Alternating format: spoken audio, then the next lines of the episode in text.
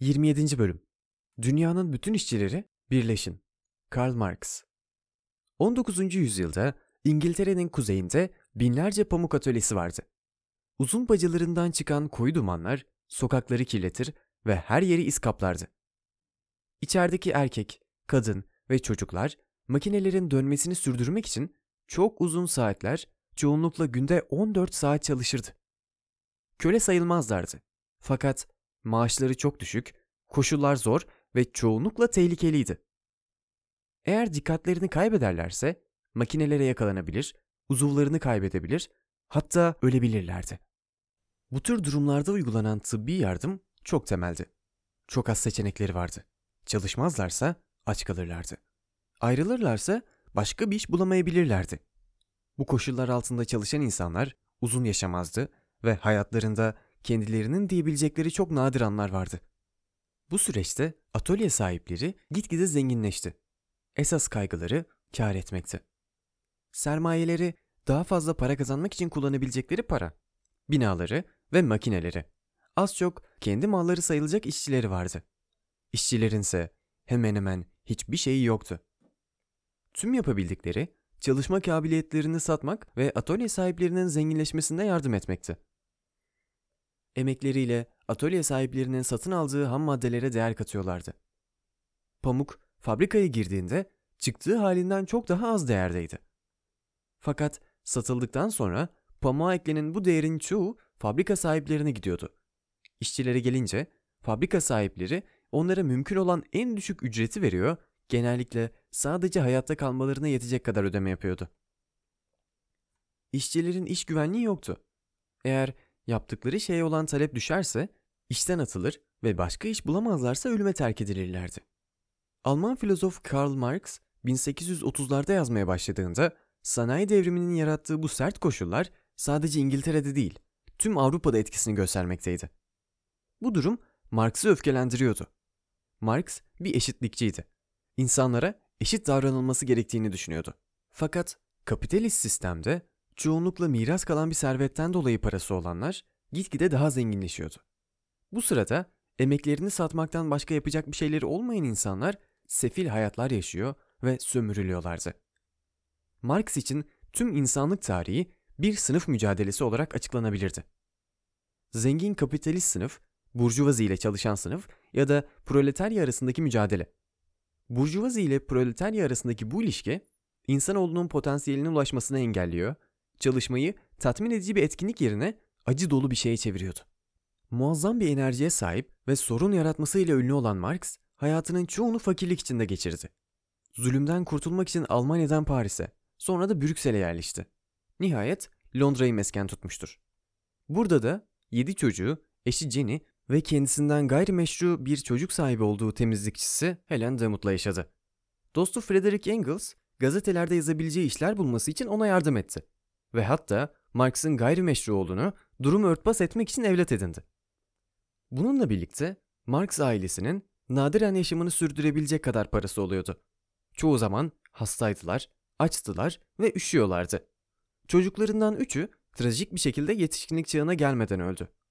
Hayatının sonraki yıllarında Marx günlerinin çoğunu çalışmak ve yazmak için Londra'daki British Museum'un okuma odasında geçirecek, diğer günlerinde de Soho'daki kalabalık dairesinde kalıp kendi el yazısı çok kötü olduğu, hatta bazen kendisi bile okuyamadığı için düşüncelerini eşine yazdıracaktı.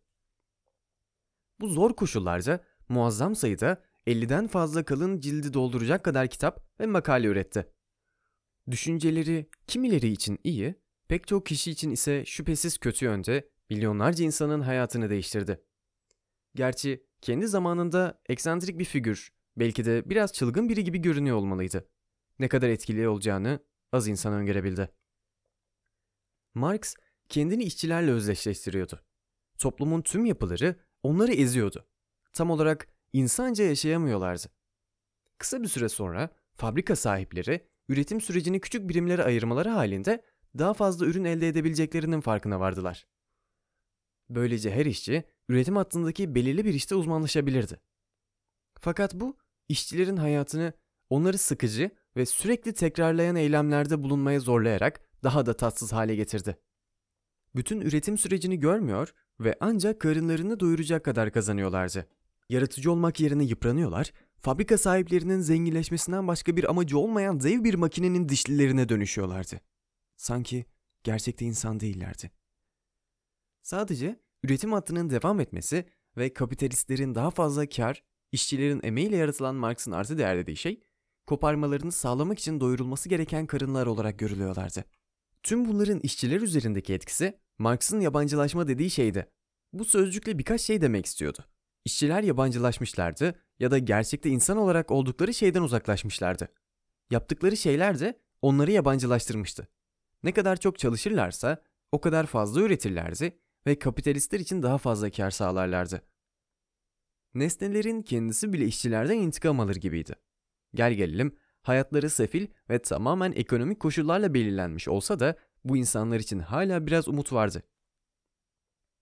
Marx, kapitalizmin sonunda kendi kendini ortadan kaldıracağına inanıyordu. Proletarya, eninde sonunda şiddetli bir devrimle yönetimi devralacaktı. Er ya da geç, dökülen tüm bu kandan insanların artık sömürülmediği, yaratıcı ve işbirliği içinde olabildikleri daha iyi bir dünya doğacaktı. Herkes topluma bir şekilde katkıda bulunacak ve toplum da bunun karşılığını verecekti. Marx'ın görüşü herkesten yeteneğine göre, herkese ihtiyacına göreydi. İşçiler fabrikaların kontrolünü ellerine alarak herkesin ihtiyaç duyduğunu almaya yetecek kadar şeye sahip olduğundan emin olacaklardı. Kimsenin aç kalmasına ya da uygun giyecek veya barınağı olmadan yaşamasına gerek olmayacaktı. Bu gelecek, yani komünizm, işbirliğinin yararlarının paylaşılmasına dayanan bir dünyaydı. Marx, toplumun gelişim yönüne ilişkin çalışmasının bu geleceğin kaçınılmaz olduğunu gösterdiğine inanıyordu. Tarihin yapısı içerisine inşa edilmişti. Fakat bir parça yardım gerekebilirdi. Ve 1848'de Engels'la birlikte yazdığı Komünist Manifesto'da dünya işçilerini birleşmeye ve kapitalizmi devirmeye davet etti. Jean-Jacques Rousseau'nun toplum sözleşmesinin baştaki satırlarını tekrarlayarak işçilerin zincirlerinden başka kaybedecek hiçbir şeyleri olmadığını iddia ediyordu. Marx, tarihle ilgili düşüncelerinde Hegel'den etkilendi. Hegel görmüş olduğumuz gibi her şeyin altında yatan bir yapının olduğunu ve aşamalı olarak bir şekilde kendinin bilincinde olacak bir dünyaya doğru ilerlediğimizi ifade etmişti. Marx, Hegel'den ilerlemenin kaçınılmazlığıyla birlikte tarihin bir örüntüye sahip olduğu, olayların birbirini izlemesinden ibaret olmadığı fikrini aldı. Ancak Marx'ın yorumunda ilerleme, altta yatan ekonomik güçler nedeniyle gerçekleşiyordu. Marx ve Engels, sınıf mücadelesinin yerine kimsenin toprak sahibi olmadığı, miras bırakılmayan, eğitimin ücretsiz olduğu ve kamu fabrikalarının herkesin ihtiyacını karşıladığı bir dünya vaat etmiştir. Din ya da ahlaka da gerek olmayacaktı. Din, daha sonra meşhur olan ifadesiyle halkın afyonuydu. İnsanları gerçekte baskı altında olduklarını fark edemeyecekleri şekilde uyutan bir uyuşturucu gibiydi. Devrimden sonraki yeni dünyada insanlar insanlıklarını gerçekleştirebilecekti. Yapıp ettikleri anlamlı olacak ve herkese yararlı olacak şekilde işbirliği yapacaklardı. Devrim tüm bunları başarmanın yoluydu. Bu da zenginler öylece servetlerinden vazgeçmeyecekleri için şiddet anlamına geliyordu. Marx, geçmişteki filozofların dünyayı sadece yorumlamış olduklarını düşünüyordu. Oysa onun istediği dünyayı değiştirmekti. Bu birçoğu ahlaki ve siyasi reformlar üzerinde durmuş olan ondan önceki filozoflara bir parça haksızlıktı. Ancak onun düşünceleri birçoğundan daha etkili oldu. Düşünceleri çabucak yayıldı. 1917'de Rusya'da ve başka yerlerde görülen gerçek devrimlere ilham verdi. Ne yazık ki Rusya ve bazı komşularını içine alarak kurulmuş devasa bir devlet olan Sovyetler Birliği'nin 20. yüzyılda Marksist çizgide oluşturulmuş diğer komünist devletlerin çoğuyla birlikte baskıcı, etkisiz ve yozlaşmış olduğu anlaşıldı. Üretim süreçlerini ulusal ölçekte düzenlemek hayal edilebileceğinden çok daha zordu. Marksistler bunun Marksist düşüncenin kendisine zarar vermediğini iddia eder. Bazıları hala Marx'ın toplum hakkındaki düşüncelerinin temelde doğru olduğuna inanır ancak komünist devletlerin yöneticileri bu devletleri gerçek anlamda komünist çizgide yönetmemişlerdir. Başkaları ise insan doğasının bizi Marx'ın hesaba katmadığı kadar rekabetçi ve kendimiz için açgözlü yaptığını işaret ederler. Onların görüşüne göre insanların komünist bir devlette tam anlamıyla işbirliği yapması mümkün değildir. Bizler öyle yaratılmamışızdır. 1883 yılında veremden öldüğünde az sayıda insan Marx'ın kendinden sonraki tarih üzerindeki etkisini öngörebilmişti. Düşünceleri de Londra Highgate mezarlığında onunla birlikte gömülecekmiş gibi görünüyordu. Engels'ın mezarı başındaki adı yüzyıllar boyunca yaşayacak eseri de ifadesi hayal gibi görünüyordu. Marx'ın ana ilgi alanı ekonomik ilişkilerdi. Onun görüşüne göre olduğumuz ve olabileceğimiz her şeyi bu ilişkiler biçimlendiriyordu. Pragmatist filozof William James bir düşüncenin nakit değeri hakkında yazarken oldukça farklı bir şey kastediyordu. James'e göre bu basit bir deyişle düşüncenin yol açtığı eylem, dünyada yarattığı farktı.